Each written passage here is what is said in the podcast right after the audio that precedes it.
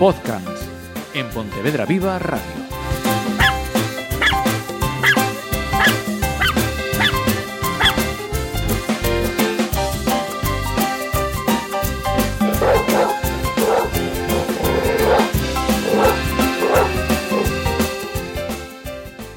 Hola, pues estamos aquí, no podemos faltar cada dos domingos y no, no podemos faltar, sal- salvo que la COVID-19 nos obligue a parar. Esto ya lo tengo que hacérmelo mirar, Sí, ¿no, sí, sí. Diego? Esto ya no es decisión propia. Efectivamente, Diego Álvarez, eh, nuestro educador canino que nos acompaña a un programa más de podcast. Y mira, hablando de la COVID, ha sido él, por cierto, quien me lo ha, me lo ha recordado porque yo no, no, no había caído en ello. ¿De qué vamos a hablar hoy? Yo, la verdad es que hice el programa y tampoco me di cuenta hasta ahora por la mañana que dije, anda, mira, vamos a hablar de, de la distancia de interacción perro-perro, perro-guía, bueno, perro incluso objeto, y, y con, con todo el tema este del, del distanciamiento, de no poder abrazarse, de, de saludarse con el codo, con el pie. Y bueno, yo es que soy de saludar estilo amador, y entonces ya... ya- ¿Estilo amador? Sí, sí, el de la, el- la- la- aquí no hay quien Ah, viva, la el que se aquí no- avecina. Ah, es verdad, Entonces es ya de lejos dices, sí, y ya está, ya no tienes ni que dar la mano. Entonces dije, pues mira, la verdad es que viene muy bien el, el programa en esta, en esta ocasión. De hecho, acostumbrados a estar sentados, yo en la silla Más tuyo, próximos, y ahora sí. tenemos que mantener esta, esta distancia. Entonces, Efectivamente. Esa es la temática. Pues distancia de interacción eh, con el perro. Em, creo que hay una dedicatoria por ahí. Correcto, correcto. Eh, durante todo el, el- la- la- bueno, el, el aislamiento, porque, eh, como el otro día, si digo pandemia, la pandemia sigue ahí, por desgracia.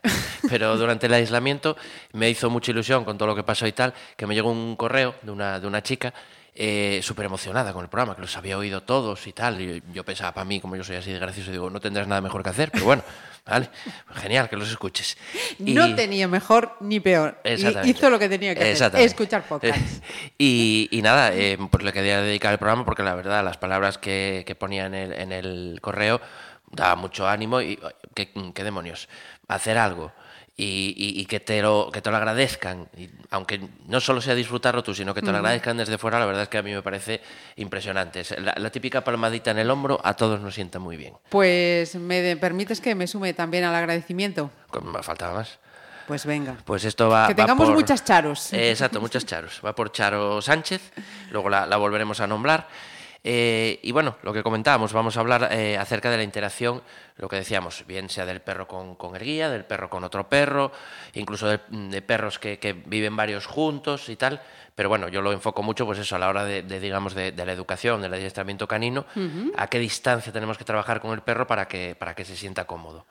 Eh, esta- estas distancias de interacción eh, van a variar de, de- de un perro a otro, lógicamente, lo que hablamos siempre del carácter personal, del carácter individual de los perros, eh, va a variar de una situación a otra y, y además son modificables con el, con el adiestramiento. ¿vale? O sea, un- para un perro, pues imaginemos un perro con miedo, lo que luego veremos, distancia crítica, que a lo mejor es dos metros, eh, mediante el adiestramiento podremos conseguir que esa distancia sea menor y que el perro, por lo, lo que decimos siempre, no pete. ¿vale?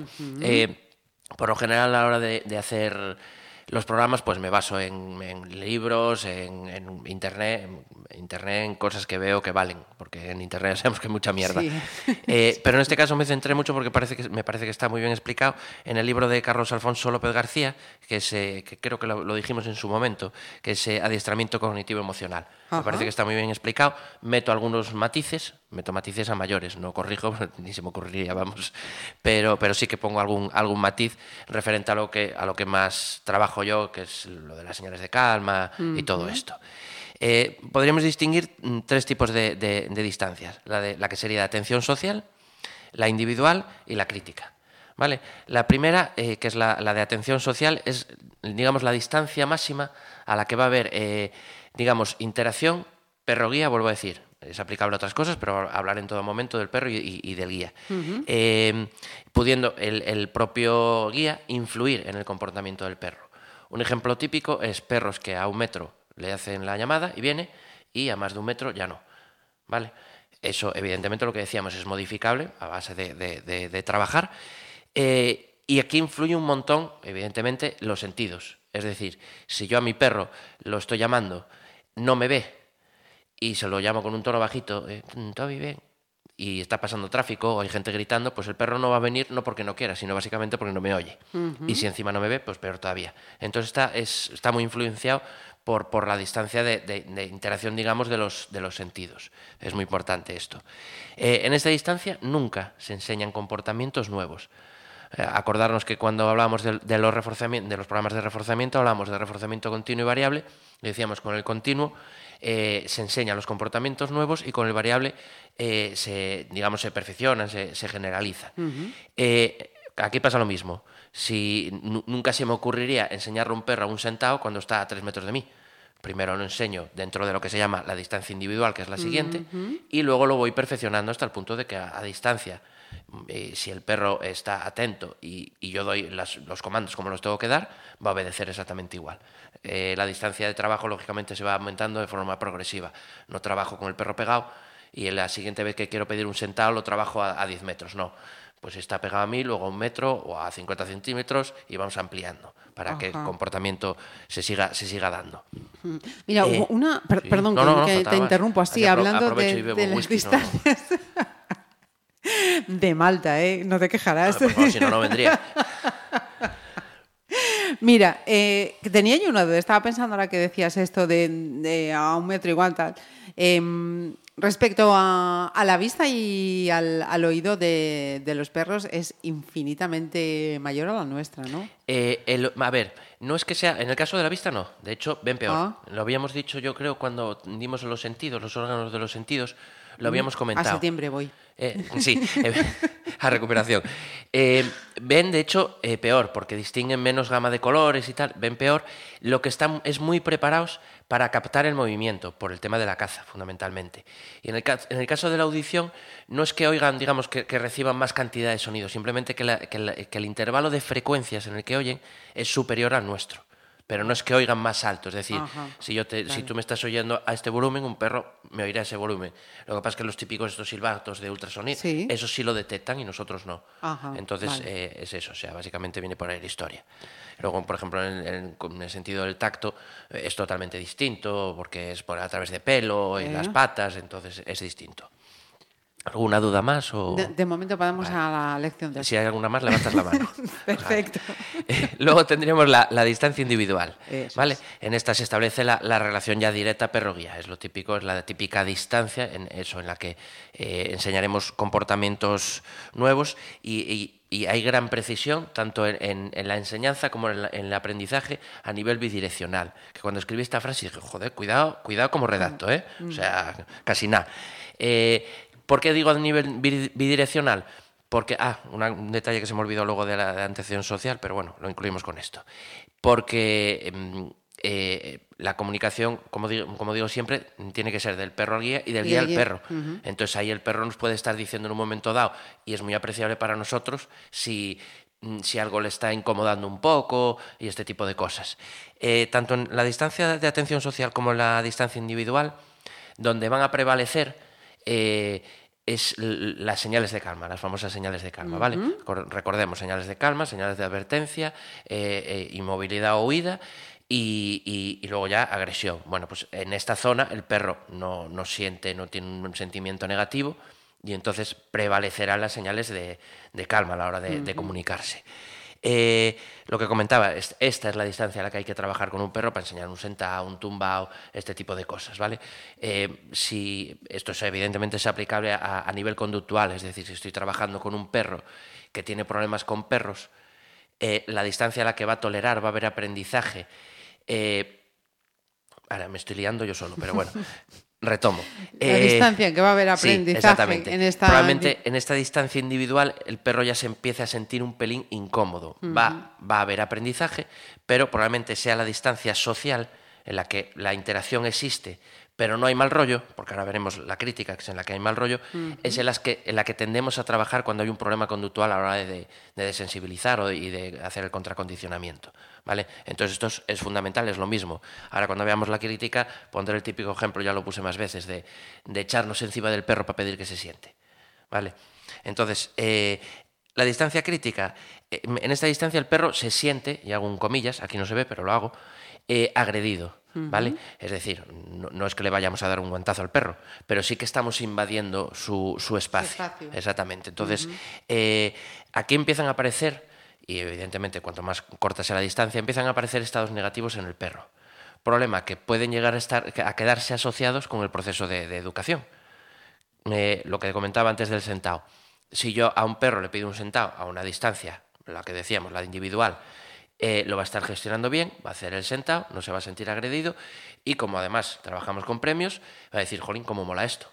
Si yo me echo encima del perro, que tendemos a echarnos encima como son más bajitos, además nos echamos encima inclinando, digamos, el cuerpo, no, ni siquiera nos ponemos de cuclillas, que sería menos, menos agresivo, nos echamos encima. Eh, Si a mí alguien se me echa encima, pues evidentemente defiendo, están sí, invadiendo mi espacio, entonces no me gustaría.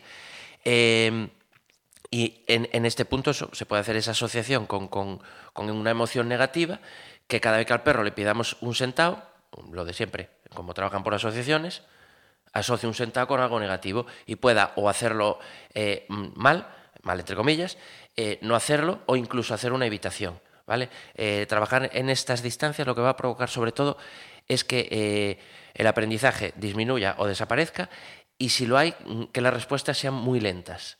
¿Vale? Lo típico de, de eso, sientan, me echo encima, vemos para que el perro se sienta, pero a lo mejor da tres pasos para atrás o se sienta muy despacito. Pues eso es básicamente porque estamos dentro de esa distancia crítica y el perro pues no le está gustando absolutamente nada. Recordemos, eh, lo de siempre, cada perro es un mundo, hay gente que me dice, ah, pues a mi perro le encanta que lo abracen, me parece muy bien. Una cosa es eh, mm, un abrazo normal y una cosa es pues el famoso, creo que lo habíamos comentado aquí, vídeo de la chica que le mordió en la cara, que no es un abrazo, lo que está es sujetando al perro. El perro se siente agobiado y como no puede hablar, no dice, me estás molestando, le- te muerdo directamente, ¿vale? Eh, aquí ya empezamos a, a tener otro tipo de señales, ¿vale? Las de advertencia. Eh, probablemente ya se las salte y el perro empiece, empiece a dar señales de, de- de- ¿cómo se llama? De perdón, se, se- salte las de calma y empieza a dar señales de advertencia, incluso lo que comentaba, se puede alejar, es decir, hace una evitación, y si se siente muy agredido en su espacio, pues evidentemente mm, responder esa agresión con otra agresión. Entonces eh, hay que controlar mucho. Eh, hay autores que, que la distancia crítica la, la- la dividen en dos, una distancia de conflicto y la distancia de seguridad.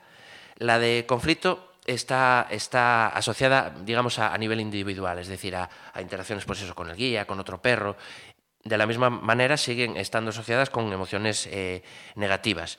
Un ejemplo claro es la protección de recursos. Un perro que está comiendo eh, en su cacharro o donde sea, en su con, eh, mantenemos la distancia, no hay problema, pero cuando llegamos a un determinado punto, gruñe. Entonces sí. está, está muy asociado con, e- con esto.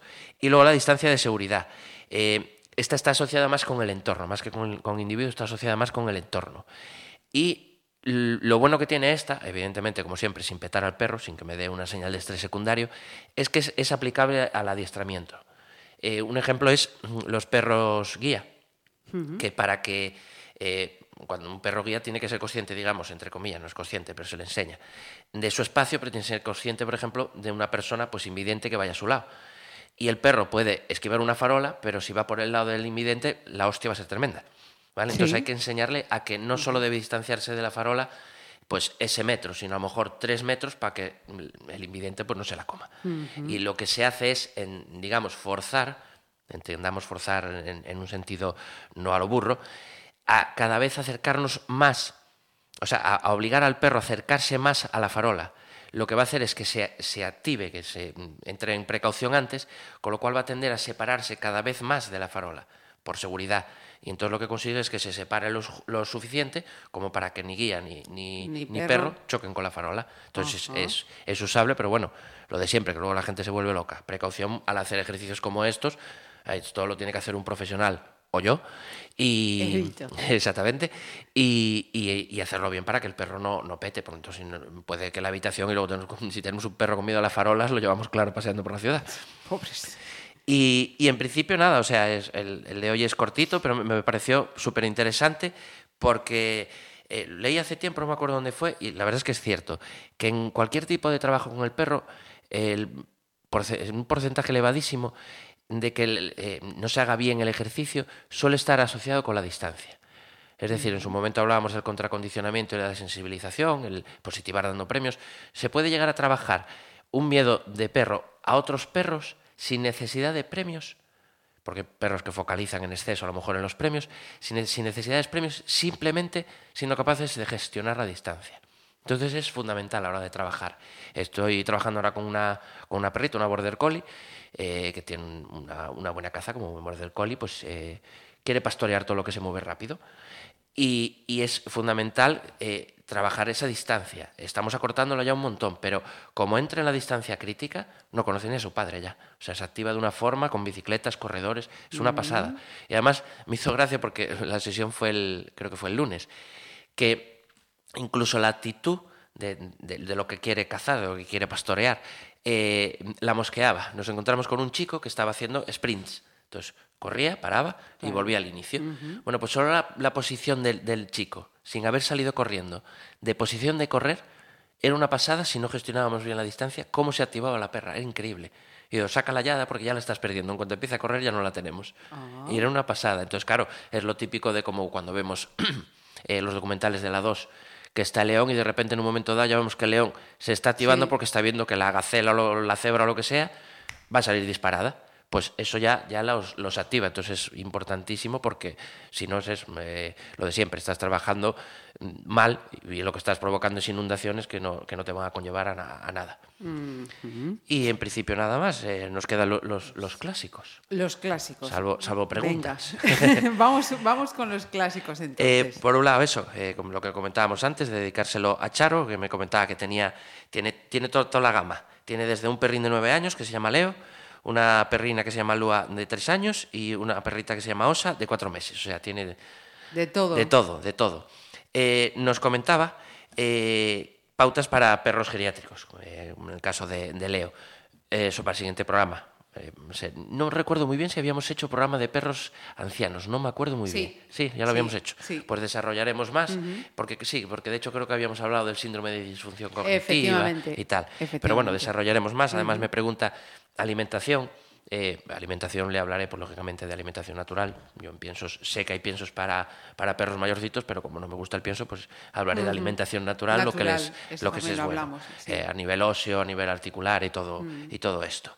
Y luego nos comentaba que eso ya, si podéis lo hacéis vosotros, ya eso ya yo no, como yo no redacto, que en la parte del texto que ponga eh, en este programa hablaremos de tal, que si se hizo una recomendación de algún libro o de algún vídeo, que si lo podéis poner abajo para Ajá. no tener que oír todo el programa y ir a tiro fijo para coger el, el libro. Entonces, si es podéis... Que eh, es lo que pretendemos, que, que se escuche el programa. el programa. Sí, sí, la verdad claro. es que sí, sí. Pero bueno, lo tienen fácil porque realmente lo que es eh, las frases y el libro o vídeo son los dos últimos minutos del programa, uh -huh. con lo cual con eso al final ya está. Y si no, que me pregunten, oye, ¿qué libro había recomendado que era para lo de las señales de calma uh -huh. o para...?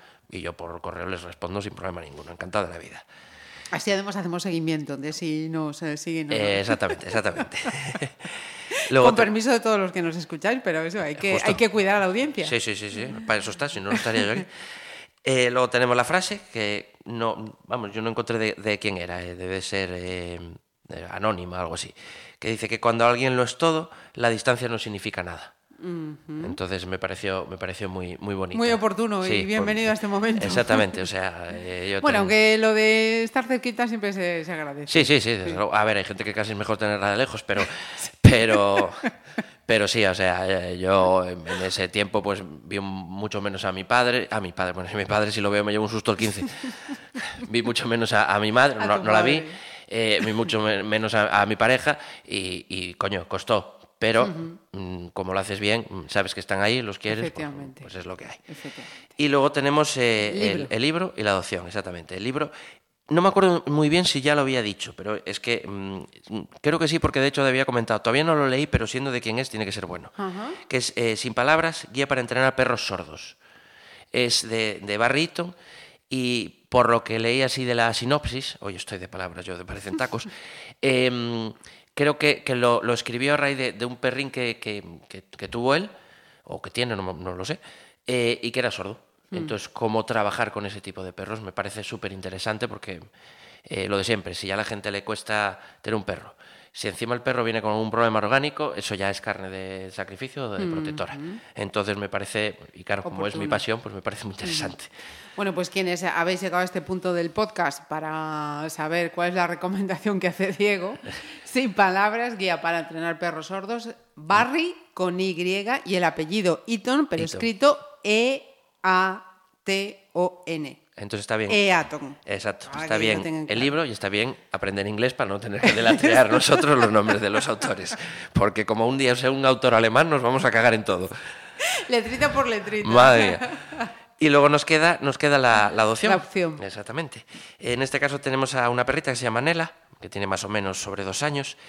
Eh, es, es una cosa rara porque mm, eh, es, a- es a través de Adopciones Galicia, que ellos trabajan con casas de acogida y tal, y lo que hacen es eh, rescatar, pues por ejemplo, en este caso, perros de, de Lacan. Ajá. ¿Vale? Eh, evidentemente, casa de acogida, si no hay viabilidad de adopción y si no, eh, eh, adopción. La perrita está esterilizada, es, es sociable, es muy cariñosa. Bueno, ya la foto, la verdad es que es lo- carita, pero bueno, yo no es que no conozco ningún perro. De la gente sí, la gente le veo la cara y digo, uh, qué cara hijo puta tiene. Pero de los perros ninguno le veo la cara y digo, uh, qué cara de malo. No, no me sale, no. Y, y nada, eh, los, para, para ponerse en contacto con ellos, o con Monse o con Gusi, eh, y, y los números, como ya, esos sí que van a aparecer escritos, si Sí, no eso recuerdo sí mal. los ponemos. Pues ya no los digo para no, para no alargarme. Básicamente, que tengo hambre. Hoy viene con prisa. Eh, Exactamente. La, la distancia tiene que Eh, ser. sí, ya, ya está sí, pidiendo. Está la- la- la- el churrasco está muy lejos ahora mismo. Muy bien, pues me alegra muchísimo, Diego, ver que mantienes ese sentido del humor que la semana pasada, eh, bueno, hace dos semanas. Eso hace dos. Nos dejaste un poquito, un Sí, poquito fue, fue jorobado. Sí, me escribió bastante gente dándome, dándome ánimo, pero bueno, no, no queda otra. Y como puse, creo, en un post o, o respondiéndole a alguien, y no sé si lo comenté en la radio, sigo estando convencido de que los perros son tan buenos que cuando se van no es que se mueran, es que lo que quieren es dejar espacio para otro. Entonces, eh, es lo que hay, ahora mismo. No puedo, Ahora no ahora me- me todavía está- no toca. Me están masacrando. Oye, ¿quieres adoptar? No, por ahora mismo no puedo, no puedo. Adoptaré, pero ahora mismo no puedo. Todo, todo a su tiempo. Exacto. Pues nada, dentro de un par de semanitas más eh, podcasts, ah, así que ya sabéis, aquí, aquí estaremos. Diego, muchísimas gracias. A vosotros.